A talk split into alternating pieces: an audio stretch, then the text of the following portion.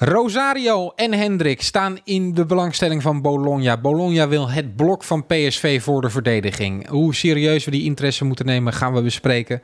We gaan het verder hebben over een loting komende maandag die mogelijk cruciaal kan zijn voor PSV.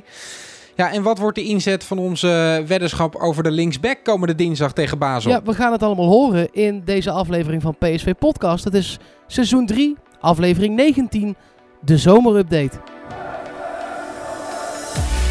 Het is Pablo Rosario die hem in de linkerhoek kegelt rechts van de keeper.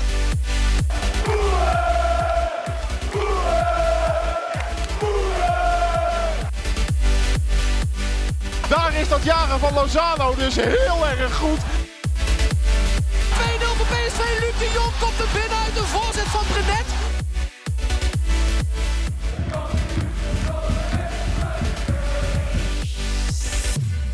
En uiteraard is Mark Versteden weer van de partij. Ja, en ook Janiek Eeling mag dan niet ontbreken.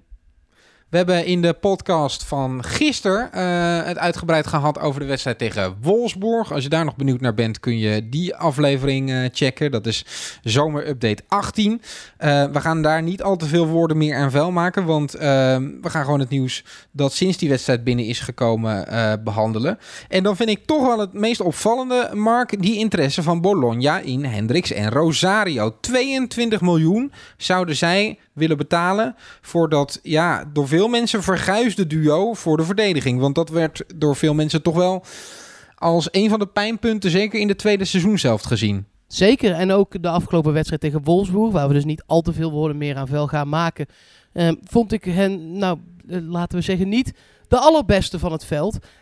En dat je daar dan als club in Italië blijkbaar 22 miljoen voor over hebt. Voor een duo dat wel natuurlijk al op elkaar is ingespeeld en elkaar kent van een jaar PSV.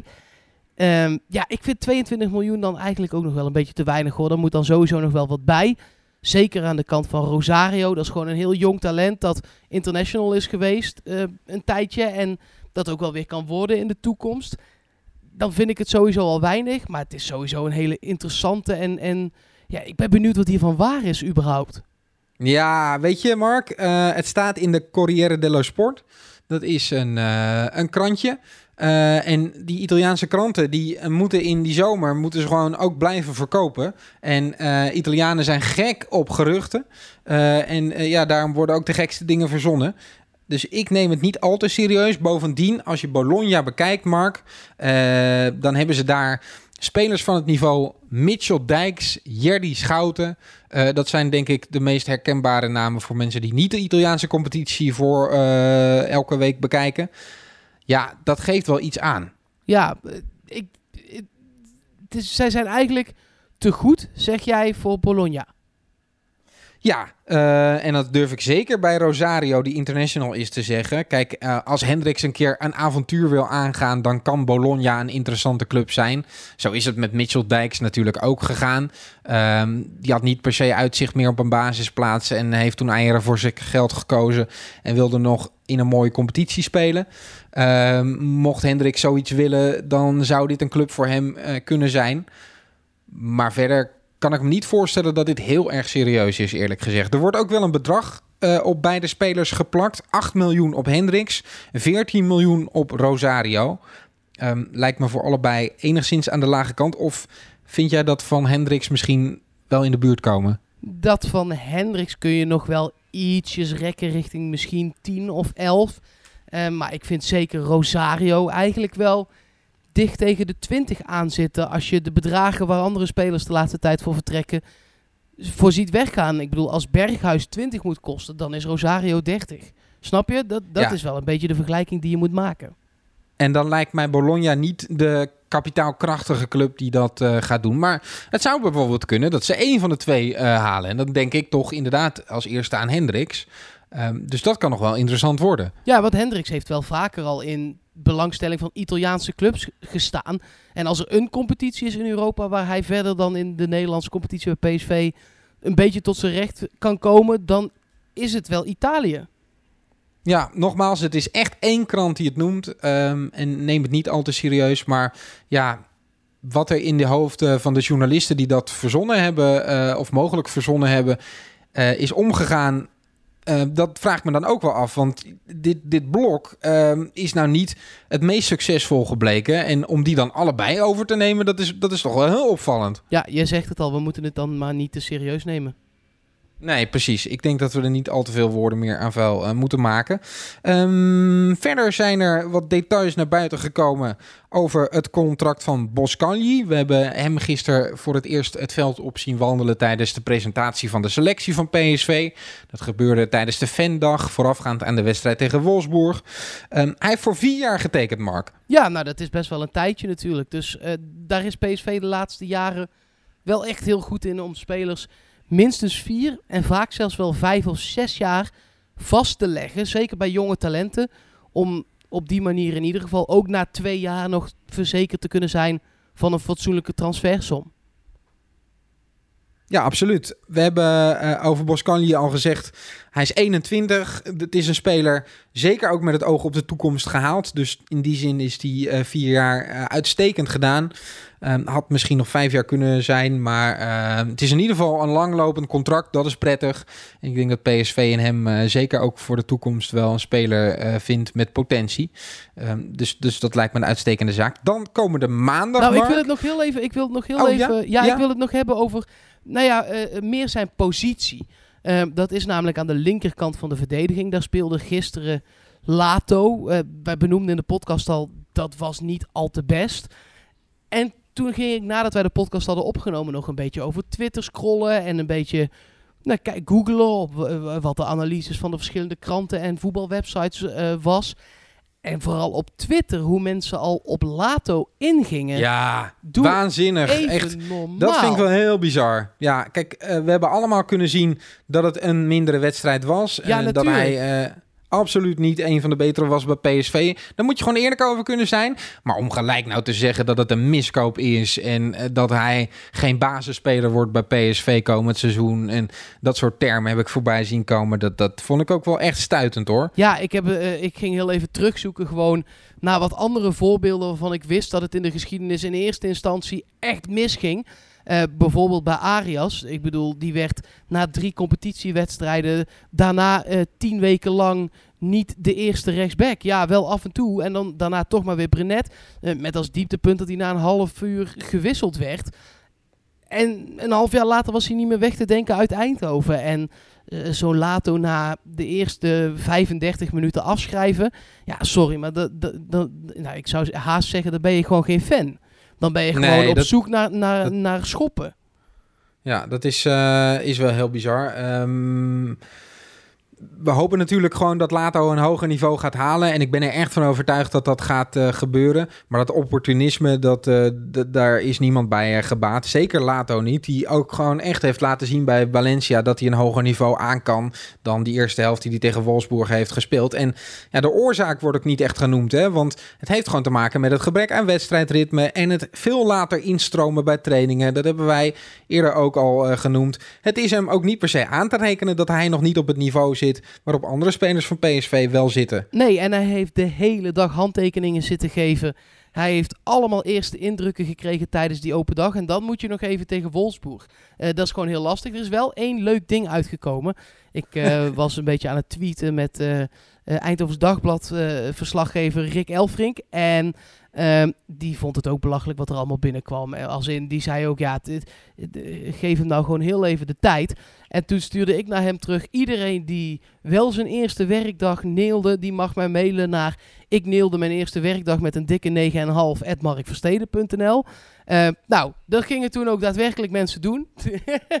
dus eh, even kijken hoor. Ruben, Tommy, Ingrid en Koen. Eh dankjewel voor jullie mail. Eh, eh, fijn Mark? dat jullie op je eerste werkdag het gewoon zo goed deden.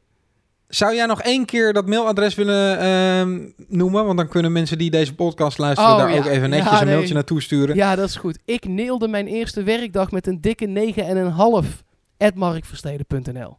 En volgens mij is het zo dat zelfs mailadressen waar een spelfout in zit... als het maar Ja, @markversteden.nl dan is, komt het dan, komt het ja. binnen, toch? Ja, zeker. heel dan, fijn. dan komt het wel goed. Prettig. Laten we het dan nu over serieuze zaken hebben. Die loting van aanstaande maandag.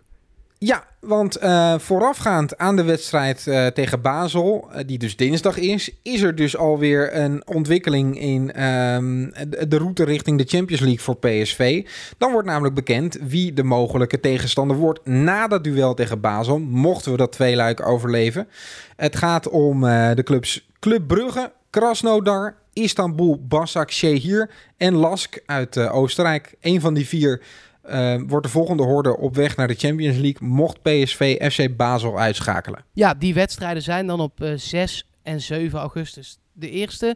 En op 13 augustus het tweede potje. Uh, PSV is geplaatst, dus vandaar dat, dat je dat nu al kunt bepalen. PSV is geplaatst, gewoon om heel even door te nemen wie er sowieso ontlopen wordt. Dat is namelijk ook wel lekker.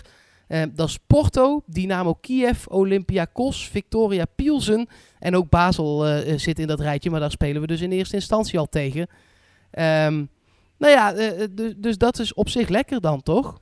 Dit gaat om de derde voorronde van de Champions League voorronde. Um, dan zou het in de vierde voorronde wel kunnen dat we die clubs gaan loten, toch? Ja, zeker. Nee, zeker. Dan worden alle dingen weer op een, op een schop gegooid. Het gaat er namelijk om over de afgelopen vijf jaar hoeveel Europese punten je hebt binnengehaald als club. Um, gewoon heel even voor het beeld. PSV staat op 37.000. Um, en een Basel staat al hoger aangeschreven als PSV met 54.500. Dus um, we staan er niet heel best op. Heeft ook gewoon nog te maken met uh, dat we er een aantal keer redelijk snel uit hebben gelegen de afgelopen jaren. Ja, Osijek bijvoorbeeld, uh, afgelopen seizoen niet al te veel punten gehaald. Uh, dat speelt allemaal niet in het voordeel van PSV, dat nee, klopt. Nee, dus um, de, de, ja, de, uh, Osijek was in 2017 pas, hè. Dus daar zitten we ook de komende vier jaar, drie jaar, excuus, nog wel aan vast.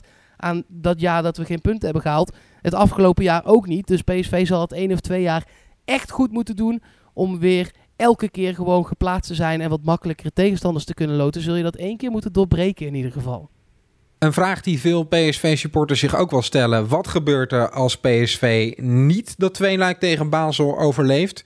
Um, dat is een vraag die voorlopig absoluut nog niet ter zake doet. Maar mocht het gebeuren, uh, dan is het niet helemaal Europees klaar voor PSV. Dan gaan we instromen in de volgende ronde van de Europa League. Dus het is niet zo dat als Basel ons eruit knikkert, dat we dan helemaal uit Europa zijn. Ik dacht dat dus in eerste instantie dat dat wel zo was. Nou, gelukkig niet. Want Basel is een tegenstander om te respecteren. En dat is ook een tegenstander waar het echt tegen mis kan gaan. We gaan ja. dat morgen in de podcast uitgebreider bespreken. Dat is een podcast die je dan het hele weekend kunt luisteren. En waarmee je je optimaal kunt voorbereiden op dat tweeluik tegen FC Basel. Dan uh, ga ik ook wat meer indrukken nog delen van de oefenwedstrijden die ik van Basel heb gezien. Bijvoorbeeld die van afgelopen weekend tegen Stuttgart nog. Um, maar ja, mocht het fout gaan tegen Basel, niet getreurd. Maar wel een beetje, of eigenlijk een beetje heel erg. Nee, uh, maar je mag Europees wel kunnen we dan nog wel iets doen. Ja, ja zeker. Je mag behoorlijk treuren. Maar het, het is niet uh, definitief totale paniek. Ja, misschien is dat ook wel het erge. Eigenlijk zou het gewoon moeten zijn klaar. Want dan, dan is het ook maar klaar. Ja, ja dus wel getreurd, uh, maar niet te hard. Want het is niet het einde van Europa, zeg maar, voor PSV. Nee, precies. Um, verder nog heel even kort uh, uh, kwam er weer door PSV nog altijd bezig met een centrumverdediger. Uh, zullen we het daar pas weer over hebben als er namen genoemd worden of als er iemand binnen is? Nou, wat ik nog wel opvallend vond, Mark. Eh, namen gaan we echt uh, later bespreken hoor. Maar wij hadden het in de podcast rondom Wolfsburg over de vraag of uh, John de Jong bij die wedstrijd was. Ik had hem op tv gezien uh, bij Fox in de voorbeschouwing met een interview. Maar dat interview bleek al eerder te zijn opgenomen. En hij was dus kennelijk toch niet aanwezig bij uh, de wedstrijd gisteren tegen Wolfsburg. Althans, hij was niet in de talkshow. Oké, okay, nou... Uh, de presentator daarvan, die heeft gemeld dat hij niet aanwezig kon zijn. Ik denk dat we morgen dan niet alleen de wedstrijd tegen Basel gaan voorbeschouwen... maar ook alvast heel even gaan beschouwen... hoe de nieuwe rechtercentrale verdediger van PSV heeft gekeurd en getekend. Be bel jij analyticus Platte Carvast even? Ik, ik, ik, ga hem even vast voorbellen. Hij staat in de garage, dus dat komt helemaal goed. Heel goed. Uh, heb ik nog één ding met je af te tikken. Rondom die wedstrijd tegen Wolfsburg uh, rezen wat vragen wie dan tegen Basel op linksback gaat starten. Ik wilde terugkrabbelen. ik denk als ik nou gewoon af. Oh, jij dacht je verzwijgt het. Sprake, ja. nee, zo makkelijk kom je er niet vanaf, hè? Ik was best wel eh, zeker van dat Sadilek tegen Basel gaat spelen. Jij gaat ervan uit dat Tony Lato gewoon gaat starten. Ja. Ehm, en daar hebben we eh, een weddenschap op gezet, maar we hebben er nog niet daadwerkelijk iets aan verbonden. Dat hebben we aan jullie gevraagd, aan jou als luisteraar. En daar is best wel wat op binnengekomen. Dat gaat echt alle kanten op. Het ging bijvoorbeeld over dat we dan een shirt eh, voor de ander moesten kopen. Ehm, of dat we een goede koffie voor de ander moesten kopen, omdat Lato toch een beetje als een soort koffie Ja. ehm, eh, klinkt. Ik drink geen koffie. Dus dat is Nee, een dus dat, idee. dat zou ik wel heel naar voor jou eh, vinden. Beetje buitenproportionele straf als je het eh, niet zou redden. Maar wat ik wel een aardige suggestie vond, ook omdat wij best wel veel uit elkaar liggen wat betreft de smaak rondom shirts. Ja, dat hebben we wel zeggen, meer, ja. meermaals besproken in de podcast, inderdaad. Lijkt het me aardig, en die suggestie is vaak binnengekomen, dat eh, de verliezer een shirt naar keuze van eh, de winnaar van deze weddenschap aan moet. En daarmee op de foto moet op onze Instagram, PSV Podcast. Ja, dat gaan we doen. Dat gaan we Toch? zeker doen. Ja hoor. Lijkt me uitstekend. Maar moet ik dat shirt dan ook mooi vinden? Of mag ik jou in het farewell shirt van Nike proppen? Nou ja, jij mag kiezen in welk shirt je mij pompt als ik verlies en Oh, andersom. yes. Oh, daar heb ik zin in. Toch? Ja, dat gaan we doen. Dat lijkt me heel leuk. Ja, dat gaan we doen. Dat gaan we doen. En, en, en- maar eerst morgen die wedstrijd tegen Basel maar eens voorbeschouwen. Daar gaan we uitgebreid op vooruitblikken. Daar spreek ik je morgen over dan. Tot morgen.